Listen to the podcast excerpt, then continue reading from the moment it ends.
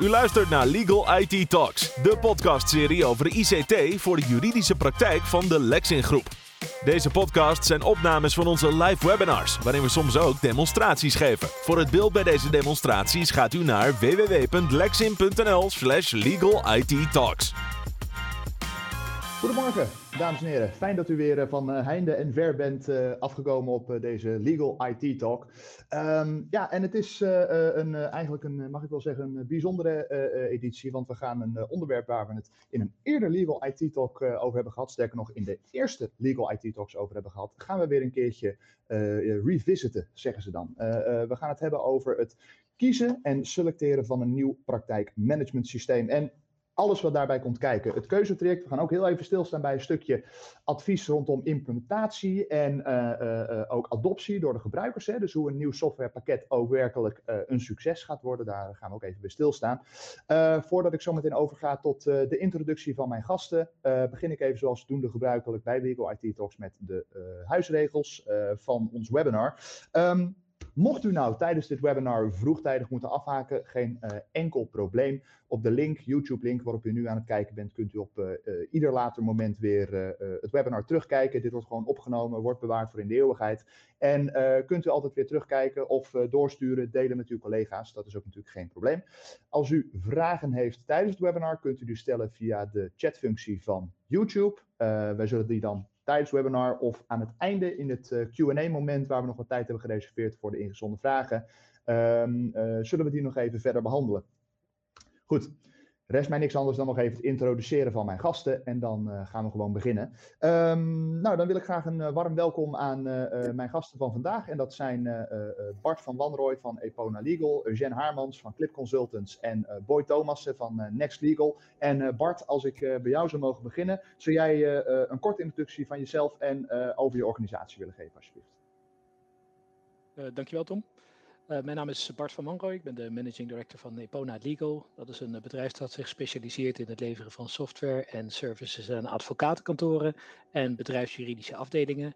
We werken vanuit Amerika en Europa met ongeveer 35 medewerkers voor enkele honderden uh, klanten. Mijn rol binnen de organisatie is, is vaak het adviseren van oplossingen aan klanten voordat een eventuele verkoop plaatsvindt. Heel goed, dankjewel. Um... Eugène, uh, zou ik aan jou uh, dezelfde vraag willen stellen? Zou je ook een korte introductie uh, van jezelf en over je organisatie Clip Consultants willen geven? Ja, natuurlijk Tom, kan altijd. Eugène Hermans, commercieel directeur van Clip Consultants. En wij leveren al een fors aantal jaren administratieve en documentmanagement oplossingen voor de advocatuur. En dat doen we voor een goede 400 advocatenkantoren in Nederland. Heel goed, dankjewel. Uh, Boy, uh, uh, hekkersluiter, maar niet de minste. aan jou de vraag om ook even een korte introductie over jezelf en over je organisatie te geven. Ja, goedemorgen Tom. Um, mijn naam is Boy Thomassen. Ik werk voor Next Legal als adviseur. We werken samen met name in Nederland met zowel advocatenkantoren als notariskantoren. En de grootste impact die we daar hebben is meer tijd um, en meer focus voor hun cliënten. Uh, door middel van de software die we voor hun uh, hebben ontwikkeld. Oké, dankjewel. Um, heren, de reden dat wij dit uh, onderwerp, het kiezen van een nieuw praktijkmanagementsysteem, uh, op de agenda hebben gezet, is um, dat wij natuurlijk, en ik zeg wij, maar met name jullie natuurlijk, hè, als onze collega's die bij heel veel kantoren over de vloer komen. jullie zitten natuurlijk bijna dagelijks in dit soort keuzetrajecten en jullie zien dan ook hoe ingewikkeld het kan zijn voor kantoren om de keuze te maken voor het juiste softwarepakket. Want het is een keuze die maak je als het goed is, maar één keer in de zoveel tijd. En dan maak je hem hopelijk ook goed. Want je zit dan ook nog een keer een tijdje vast aan zo'n pakket. Um, Bart, als ik even bij jou mag beginnen. Er is een hoop te kiezen op de markt. Uh, uh, ik denk niet dat we uh, vandaag in dit webinar alle pakketten individueel gaan aflopen en met elkaar vergelijken. Dat is dit niet, niet het platform voor. maar we kunnen ze wel even een soort van categoriseren. en um, zou jij een korte uitleg willen geven over hoe de markt voor die praktijkmanagementsystemen momenteel een beetje georganiseerd is. Wat zijn de globale keuzerichtingen die je kunt, uh, kunt maken? Ja, er zijn grofweg eigenlijk altijd drie categorieën. Eén uh, is de categorie voor echt hele kleine kantoren, één of twee mensen. Dat zijn vaak SaaS-pakketten. Uh, via het web log je in en alle functies van die pakketten vind je in die webapplicatie. de tweede categorie, dat zijn de categorie geïnstalleerde pakketten of voor een deel geïnstalleerde pakketten. Dat zijn pakketten, de zogenaamde all-in-ones, die bij de middelgrote, de midden 600 grote kantoren worden gebruikt. En in de top 60, de wat grotere kantoren in, in, in, termen van aantallen gebruikers, daar vind je eigenlijk meestal losse componenten. Je noemt dat best of breed, maar dat is eigenlijk een componentenaanpak. Uh, het financiële systeem is los, het boekhoudsysteem is los, het documentmanagement systeem is los, et cetera. Dus die hebben vrijwel, ja, ik denk in de top 10, 20 in Nederland is er geen enkel kantoor met een all-in-one. In het middensegment van die midden 600, daar heeft bijna iedereen de geïnstalleerde tot een beetje SaaS. En in die lange tail van 4, 4000 eenpitters, daar zie je heel veel SaaS.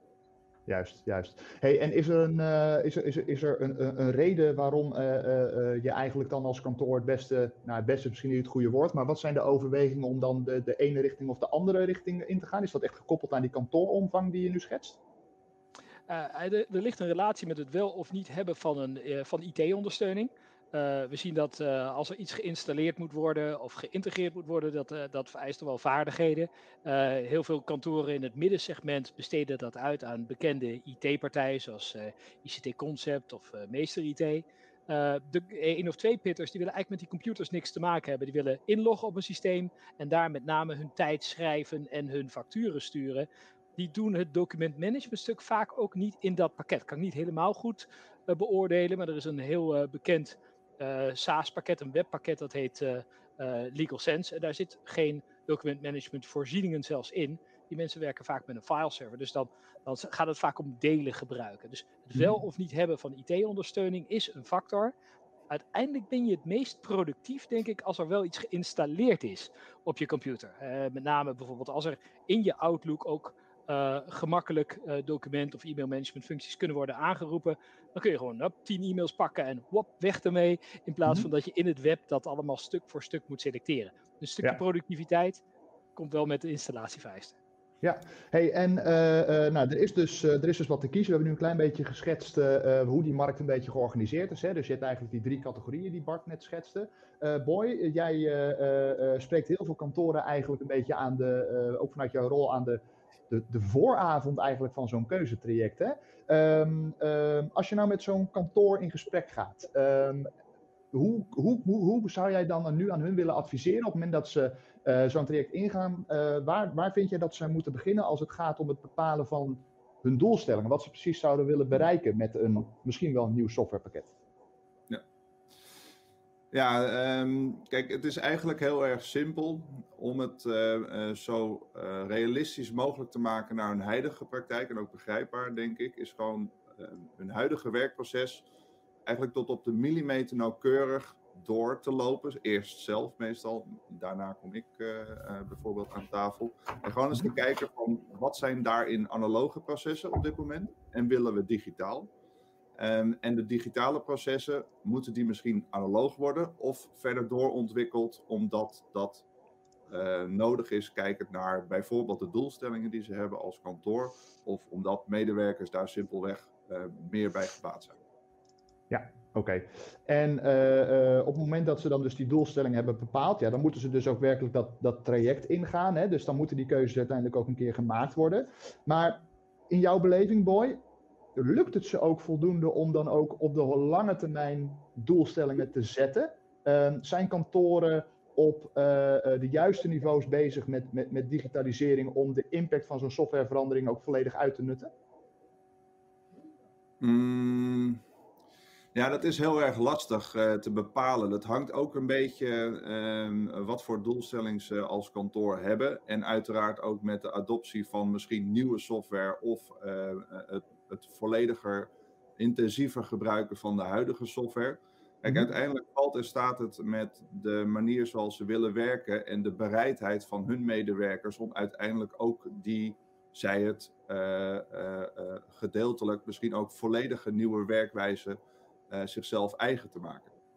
Ja, ja precies. en, ik denk, Eugène, daar, daar, stipt Boy al denk ik een interessant onderwerp aan. Hè? Want het gaat dus ook inderdaad om het bepalen van eigenlijk de manier van werken. Hoe je als kantoor je processen wil organiseren. Op het moment dat jij nou bij zo'n kantoor binnenstapt en die hebben jou gebeld en die zeggen... Eugène, ik weet, jij bent leverancier van Sicilo, al 400 kantoren in Nederland. Jij hebt volgens mij in die zin, weet je wel redelijk uh, hoe, het allemaal, hoe het allemaal werkt op, op dit gebied.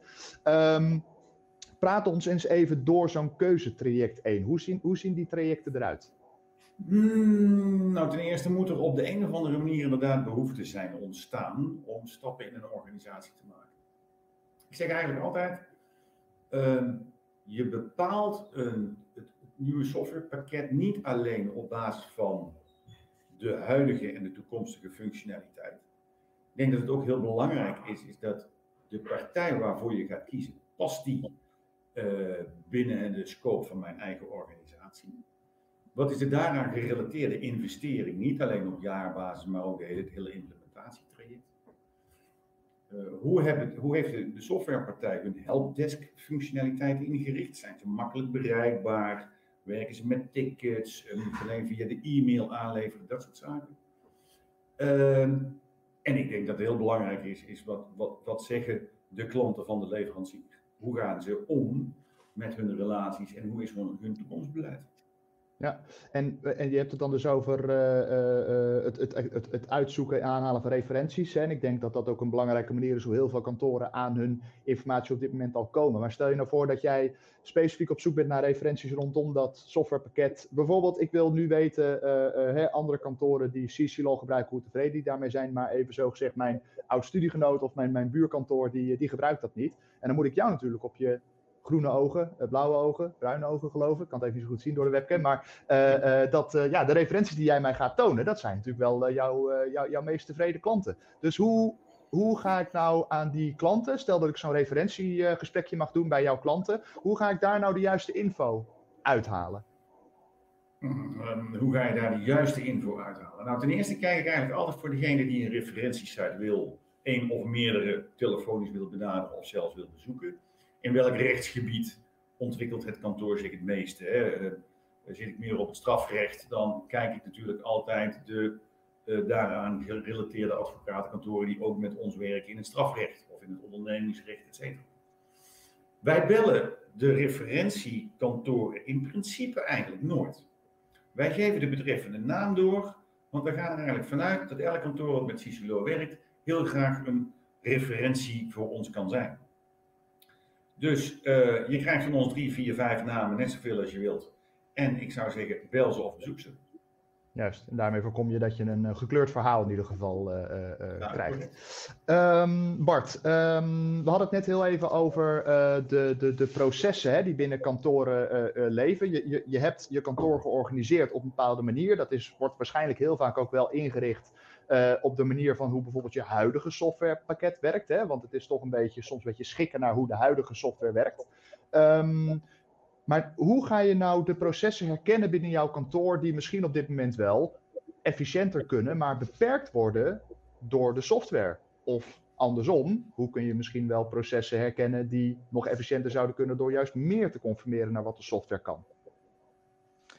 Ik weet niet of de processen uh, heel erg grof op de kop worden gezet door, uh, door de specifieke pakketten die wij gebruiken. dus de, wat wij aanbieden zijn vaak meer functionaliteiten met een groot gebruiksgemak. Heel makkelijk e-mails kunnen verslepen naar een gezamenlijk gedeeld dossier, et cetera. Dus dat gaat echt om gebruiksgemak op allerlei plekken dat te kunnen bedienen. de grootste mhm. stap bij het invoeren van een ander PMS zie je heel vaak op het vlak van de uh, declaratieworkflow. Daar, uh, daar grijpt het het meeste in. Dus, dus niet een categorie die Epona biedt, maar uh, de, de, de, categorie waar je de grootste tijdwinst ziet, zit toch wel een beetje op het debiteurenbeheer en het komen tot de uiteindelijke declaratie die de deur uit mag nadat die is gecontroleerd. Op dat vlak is er erg veel gebeurd in moderne pakketten in de afgelopen jaren. En dan zie je dat waar vroeger grote schotten waren tussen de mensen die met Adrent en Elite op hun afdeling werkten En de mensen die uh, uiteindelijk in de dossiers tijd schrijven, dat die schotten door moderne software helemaal worden weggehaald, waardoor het, de, de, doorlooptijd verkort is, de facturen gewoon eerder en sneller de deur uit kunnen. Meestal leidt dat tot een uh, tijdbesparing van zeg maar, bijna 24 werkuren per week van een bepaalde medewerker op het moment dat dat proces vlotter verloopt. Dat is wat ja. wij observeren als ze betere pakketten draaien. Een andere segment is ook wel het segment van bijvoorbeeld het bewaken van takenlijsten of afspraken die er bij de rechtbanken zijn.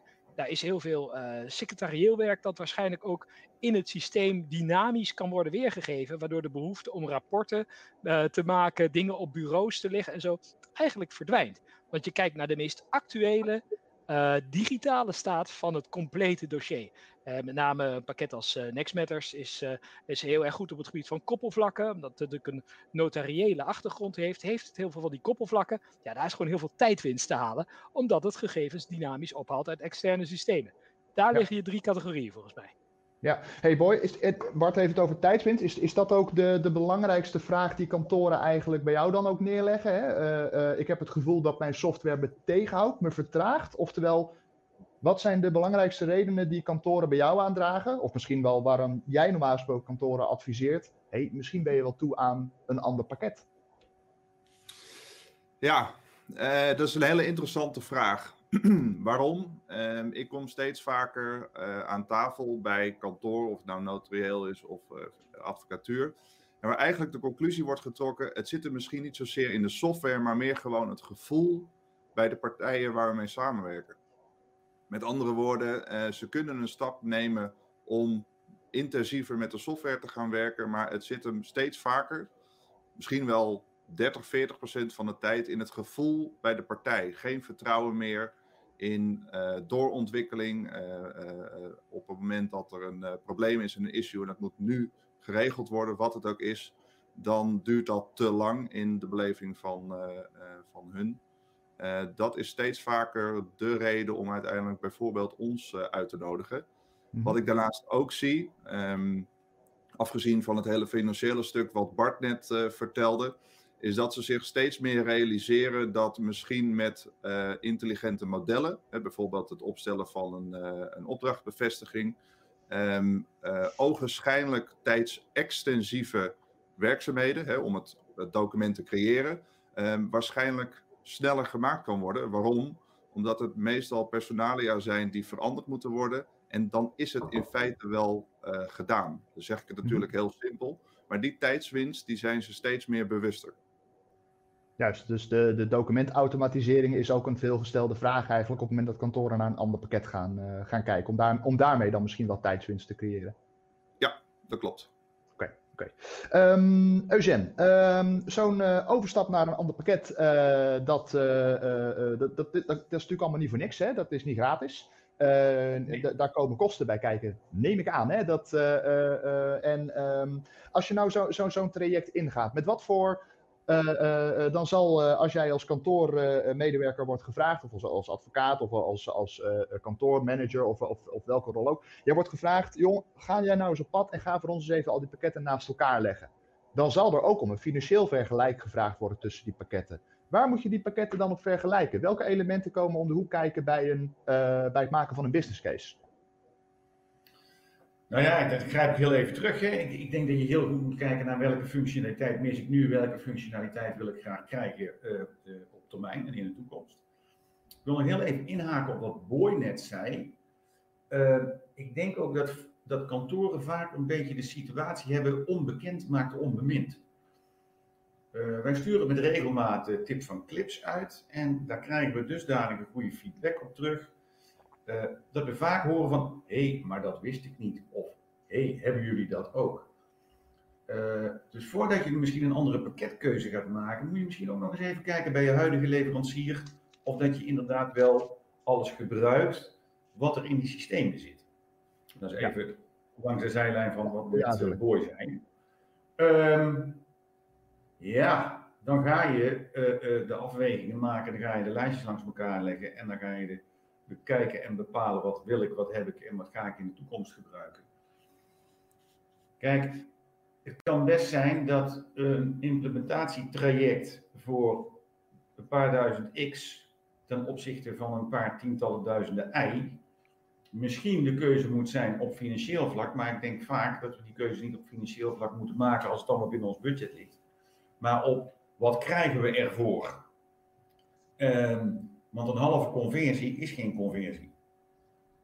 Dus het kan best wel eens zijn dat goedkoop duurkoop kan zijn.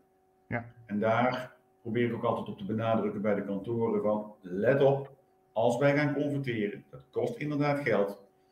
Uh, en er zijn altijd wel onderdelen die niet helemaal lekker in zo'n conversietraject zullen lopen. Daar moeten we ons ook van bewust zijn.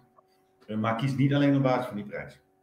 Nee, precies. Bart, ehm, eh, in onze voorbereiding uh, was jij hier ook vrij uitgesproken over, hè? over eigenlijk de, de totale kosten van software. Het is natuurlijk een samenraapsel van uren, licenties, ehm, kennis die in de organisatie opgebouwd en onderhouden moet worden. Als jij nou met kantoren in gesprek gaat over de, de kosten van software en welke rol dat speelt in de keuze van een nieuw pakket, welke adviezen geef je dan? Waar moeten ze dan over nadenken?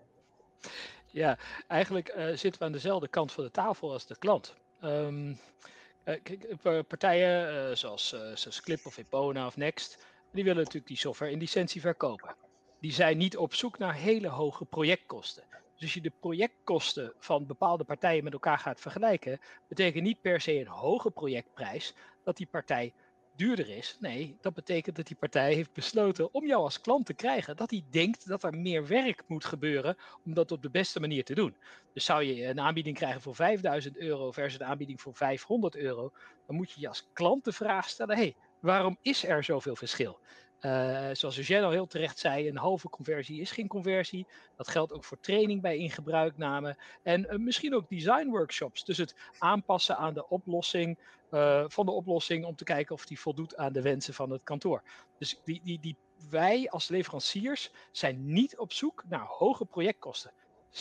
Het tegendeel is waar. Hè, kunnen we dat goedkoper doen, dan zouden we dat graag willen. Want zo kunnen we meer klanten te overtuigen.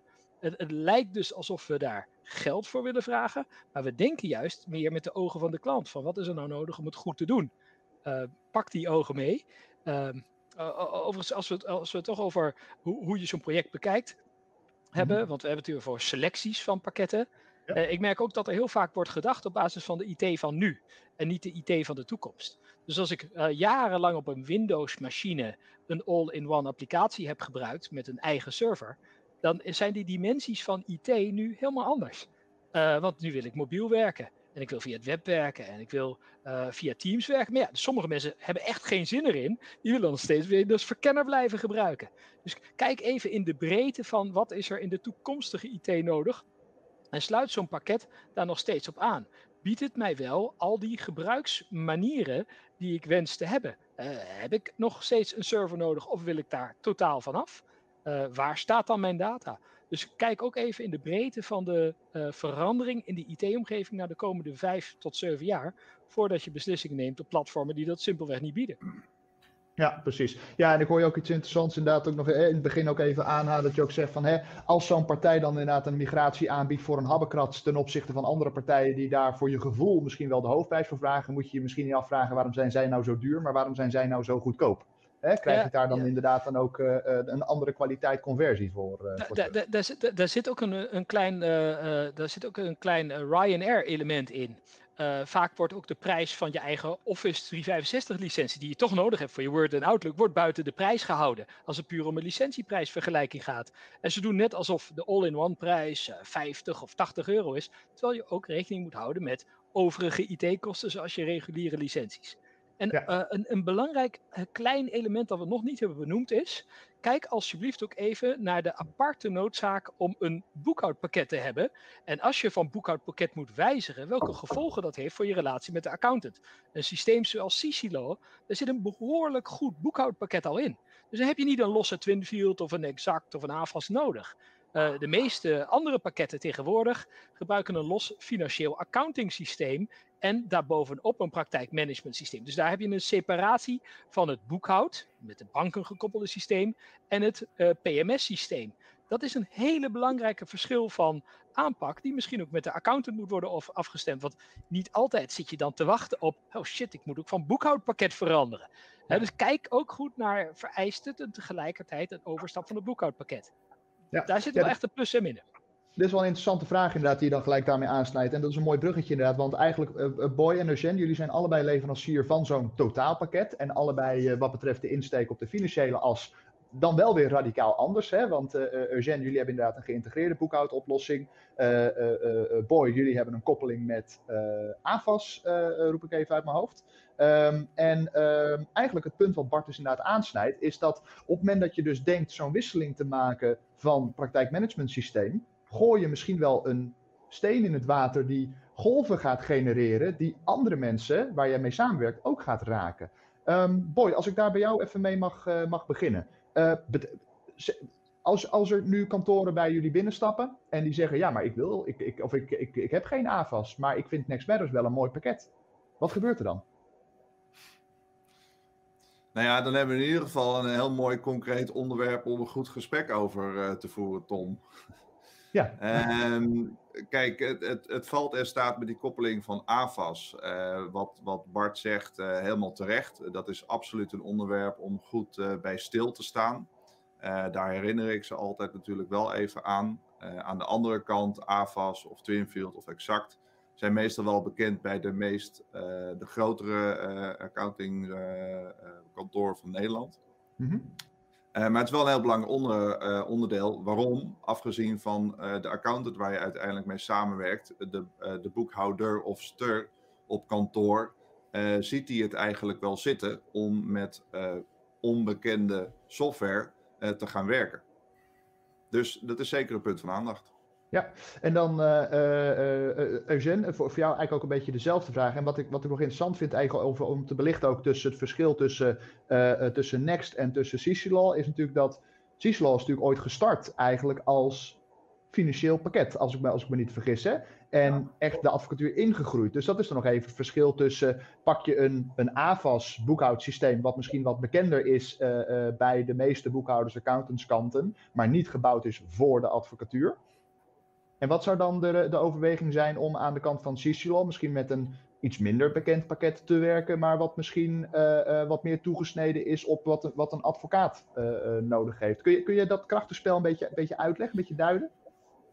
Jawel. Ehm, ik denk als, als de externe boekhouder, nou, als de externe accountant het liefste een account view heeft of alle andere algemene financiële pakketten, dan wijzen wij de kantoren er eigenlijk op dat wij van oudsher heel erg hangen aan het uh, goed uh, administreren van alle subadministraties.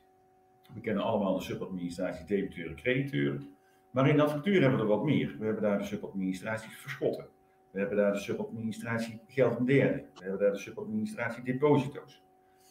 En dat wat ik financieel uitvoer, ten behoeve van die dossiers, daar hangen wij heel sterk aan dat dat ook in die dossieradministratie en de financiële administratie één op één klopt. Wij komen nog heel erg vaak tegen bij kantoren die een externe financiële administratie hebben, dat dat wat in hun onderhanden werk staat binnen hun dossiers, als het gaat om bijvoorbeeld die verschotten of bijvoorbeeld die derde gelden, dat dat totaal niet aansluit bij de financiële administratie. Met natuurlijk alle gevolgen van dien. Dus nogmaals, van oudsher houden wij graag vast aan die integraties van die subadministraties. Ja, en, en, en de tip die ik hierbij eigenlijk dus hoor, en daar komen we straks nog even op, dat zou een van mijn latere vragen nog zijn, hè, van met wie ga je dan dus allemaal in gesprek op het moment dat je zo'n ander pakket gaat overwegen. Maar de accountant, de boekhouder, dat is in ieder geval één iemand die je wel eventjes moet meenemen in die, in die reis, uh, hoor, ik jullie, uh, hoor ik jullie zeggen. Um, Bart, dat keuzetraject, hè, als je daar nou aan gaat uh, beginnen, dan ga je neem ik aan een soort van requirements lijstje ga je opstellen. Of uh, uh, misschien maak je er wel een heel complex RFP-traject van. Hè? Kom je met, met L-lange vragenlijsten. Um, wat is jouw advies aan kantoren die aan zo'n traject gaan beginnen? Hoe zorg je dat je nou uiteindelijk niet verzandt in een... Hoe maak je het jezelf niet te ingewikkeld?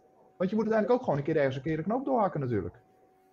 Ja, eh, hoe een kantoor daarmee omgaat, dat verschilt in, in, Nederland, als we hebben over advocatenkantoren, enorm. Uh, er wordt vaak of uh, zelf aan de selectie gewerkt, of er wordt met een derde partij gewerkt die adviseert. En we hebben wel eens partijen gehad die ons 92 pagina's lieten uittypen met, in een RFP, in een Request for Proposal fase. Dus de, de mate van detail dat verschilt heel erg per kantoor. Dus je vraagt naar hoe, hoe zou, denk ik dat dat het meest efficiënt kan gebeuren. Uh, in die RFP's, dat zijn hele theoretische verhandelingen met functie A en functie B, waarin je in de beantwoording ook altijd wel vrij veel ruimte hebt. Dus ik, ik, ik, ik hecht daar zelf minder waarde aan. Ze zijn wel contractueel, dekken ze natuurlijk wel weer alles lekker af. je hebt wel alles vastgelegd dat zo'n beetje afge, afgesproken zou kunnen worden. De gebruikers zijn vaak het meest geïnteresseerd in het gebruiksgemak. Dus uh, een paar partijen uitnodigen om de toepassingen gewoon te proberen, is denk ik voor wat betreft de acceptatie binnen het kantoor erg belangrijk. En dan heb je het over twee groepen. Uh, dan heb je het over de tijdschrijvende advocaat met een vaak nu nog een Outlook-oriëntatie. Uh, en de financieel-administratieve blik op de keuze. En misschien nog managementrapportage. Maar die, die, die wordt niet altijd. Er wordt KPI's gevraagd, maar niet heel veel meer. Dus scheid alsjeblieft die RFP-vragen voor de contractuele compleetheid. Doet hij dit, doet hij dat? Een beetje van de usability uh, elementen, die je toch echt met uh, vingers aan de knoppen sessies doet. Misschien nog even één klein laatste element, als, als, als ik mag, Tom. Ja. Uh, we zijn nu bezig met PMS'en voor het kantoor te kiezen. Mijn verwachting is eigenlijk dat we de komende paar jaren ook heel veel gaan samenwerken buiten kantoor met cliënt. Dus waar we mhm. vroeger heel gesloten keken naar welke functies vervult het voor ons, zul je misschien ook met de bril op moeten gaan kijken van, ja, kan ik ook externe partijen permissies geven op stukken van het dossier en daarmee samenwerken? Kan ik werkstromen uitwisselen met externe partijen? Dus kijk ook even buiten het kantoor in eh, deze tijd, mocht je die overweging maken voor een nieuw pakket. Oh, kijk, dat is een interessante invalshoek inderdaad. Uh, vraag, ook eens even iets, vraag ook eens wat input aan je cliënt over dat vlak. Hey, um, Boy, als jij nou bij, bij kantoor over de vloer komt om over een nieuw pakket te praten, wie vanuit het kantoor moet er dan bij jou aan tafel zitten om dat toch gewoon een serieus, goed, kwalitatief, interessant gesprek te maken? Nou, dan heb ik wel meteen een, een hoge, hoge verwachting en een eisenlijstje klaarstaan. En, kijk, uiteindelijk uh, is het uh, simpelweg praten met, met degene die de beslissing neemt. Nou, op, op notariskantoor is dat meestal de notaris of notarissen zelf of de advocatuur, de partners. Hè. Dat is eigenlijk gewoon een inkoppertje. daarnaast, meestal in een tweede gesprek, iemand van de financiële afdeling. En dan ook zeker de mensen die uiteindelijk het echte werk gaan doen. En in ieder geval op dagelijkse basis intensief gebruik gaan maken van de software. Uh, waarom? Uiteindelijk de vertaalslag van oké, dit is een goed idee naar de praktijk zorgt er enorm voor dat uh, uh, de mensen die er intensief gebruik van gaan maken, al heel vroeg in het nou ja, eigenlijk begintraject betrokken zijn om in ieder geval concrete input te leveren en de kans van slagen en om het een succes te maken vanuit de kant van het kantoor zo groot mogelijk te maken. Ja, oké. Dus uh, je, wil een, je wil wel een, een, een, een, een breedheid aan gesprekspartners. Groep moet natuurlijk niet te groot uh, worden, hè, want zoveel meningen, zoveel keuzes uiteindelijk, die dan ja, kunnen het verhaal on, onoverzichtelijk maken. Um, Eugène, ehm, we hadden het net al heel even ook over de, in, de invloed eigenlijk die de boekhouder en de accountant moet hebben in zo'n keuzetraject. In welke fase van zo'n keuzetraject moet je die nou al aan laten sluiten? Moet je die al helemaal aan het begin mee laten schrijven eigenlijk aan de requirements? Of moet je die gewoon een keer langs zij trekken in een demofase? Wat, wat, wat werkt het beste in jullie ervaring? Uh, onze ervaring is dat de, de, de, de, de, de groep die de beslissing moet maken, moet bestaan uit één of twee um, bevoegde functionarissen van het advocatenkantoor, die een beslissing mogen maken. En daaromheen de ondersteunende taken. Oftewel, de werkgroep moet eigenlijk bestaan uit twee advocaten, twee secretaresses en inderdaad iemand van de administratieve afdeling. Wij overleggen altijd met de accountant uh, over hoe dat hij graag wil dat ook die administratieve organisatie wordt ingericht. Uh, daarmee komen we ertoe dat we eigenlijk vanaf de, beginfase tot en met de eindfase voor het opleveren van de jaarstukken eigenlijk dat helemaal netjes hebben afgediend. Juist. En zo zorg je dat je dus eigenlijk alle facetten die bij dat pakket, ook straks als het in gebruik moet worden genomen, dat in ieder geval iedereen die het pakket moet gaan gebruiken daar ook zijn, zijn kijk op heeft, heeft gehad. Dat je daar in ieder geval achteraf geen verrassing op kunt, kunt krijgen. Oké, heel goed. Um, heren, dan wil ik met jullie even een rondje maken langs eigenlijk de belangrijkste vragen die wat jullie betreft nooit gesteld worden. Want jullie zitten heel veel in dit soort gesprekken. Jullie komen ze eigenlijk allemaal wel tegen. Ik kan me voorstellen dat heel veel kantoren dezelfde vragen stellen, maar dat er ook heel vaak vragen zijn waarvan jullie denken, ja, dat is jammer dat je die nou net even niet hebt gesteld, want dat had je heel erg kunnen helpen. Um, Bart, als ik, als ik bij jou mag beginnen, wat zijn wat jou betreft de vragen die kantoren eigenlijk altijd vergeten? Migratie. Niemand wil erover praten, er wordt te weinig over gepraat en het is het, uh, het grootste probleemgeval bij een verandering van systeem. Daar ligt je risico. Wordt niet structureel gevraagd naar uh, een maat van migratiekwaliteit.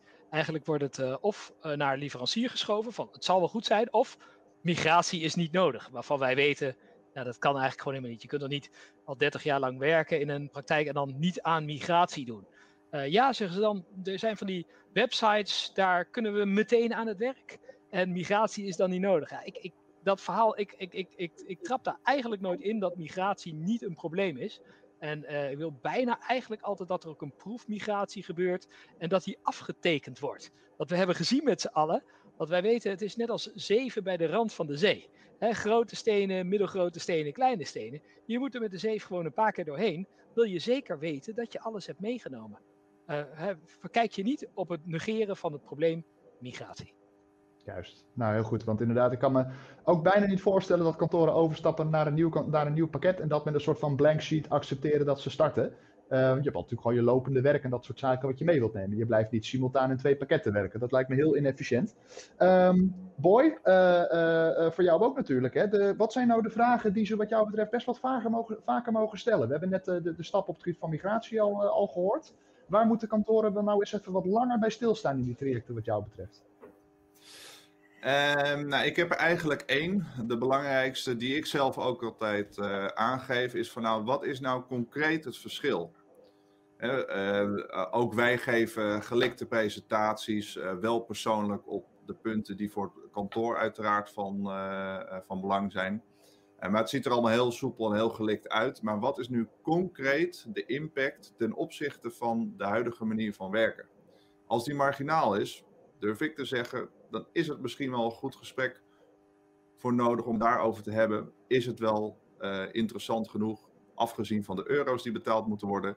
Moet iedereen daar ook energie in stoppen, alleen al om de mhm. software uh, te leren, de nieuwe software?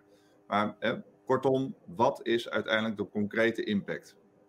Ja, en dan is inderdaad, inderdaad het werk wat komt kijken bij de overstap, weegt dat wel op tegen de kleine marginale winst die je misschien gaat maken? Is dan misschien overstappen wel duurder dan de winst die het je oplevert? Dat is wat ik je hoor zeggen. Ja, precies. Oké, okay, oké. Okay. Um, Eugène, um, ook jij zal ongetwijfeld in scenario's komen, of misschien wel uh, uh, uh, kantoren hebben geonboard en dat je achteraf nog vragen over tafel krijgt dat je denkt, ja jongens, hadden we dit niet even van tevoren met elkaar kunnen bespreken? Wat zijn nou typisch die vragen die kantoren eigenlijk pas achteraf, als alles al is getekend, als de migratie al loopt, laten we vanuit gaan dat ze dat hebben besproken. Wat zijn dan de punten die vaak nog, uh, uh, uh, die achteraf worden besproken, die vooraf besproken hadden moeten worden? Oei, daar zeg je wat. Ik zat eigenlijk eerder nog te denken van welke vraagstellingen zeggen ze vragen ze eigenlijk niet ten tijde van dat, in dat voortraject. Ja, als je eh, daar een goed voorbeeld van hebt, mag je die ook geven. Nou ja, ik, ik, ik, exit-strategie. Ah. We gaan natuurlijk eh, met elkaar wel een huwelijk aan. Maar ja, niet alle huwelijken lopen even florisant en lopen door tot uh, Sint-Utemus. Maar worden ook uh, uh, voortijdig verbroken. Juist. en hoe gaan we dan met elkaar om? Wat heb ik dan nog nodig? Blijf ik tot in lengte van jaren aan een licentie hangen? Hoe werkt dat bij jullie? Dat zijn de vragen die ik eigenlijk nooit krijg, maar wel aan ze stel. Oké, dat is een interessant inderdaad. En die sluit ook mooi aan bij, uh, want we gaan even het laatste stukje van dit webinar in, is altijd nog even een stukje Q&A. Uh, uh, en um, we hebben twee ingezonden vragen gekregen. en één haakt eigenlijk heel mooi in, Eugène, op hetgene wat jij net al aangeeft. En um, Bart, ik zou deze aan jou willen voorleggen.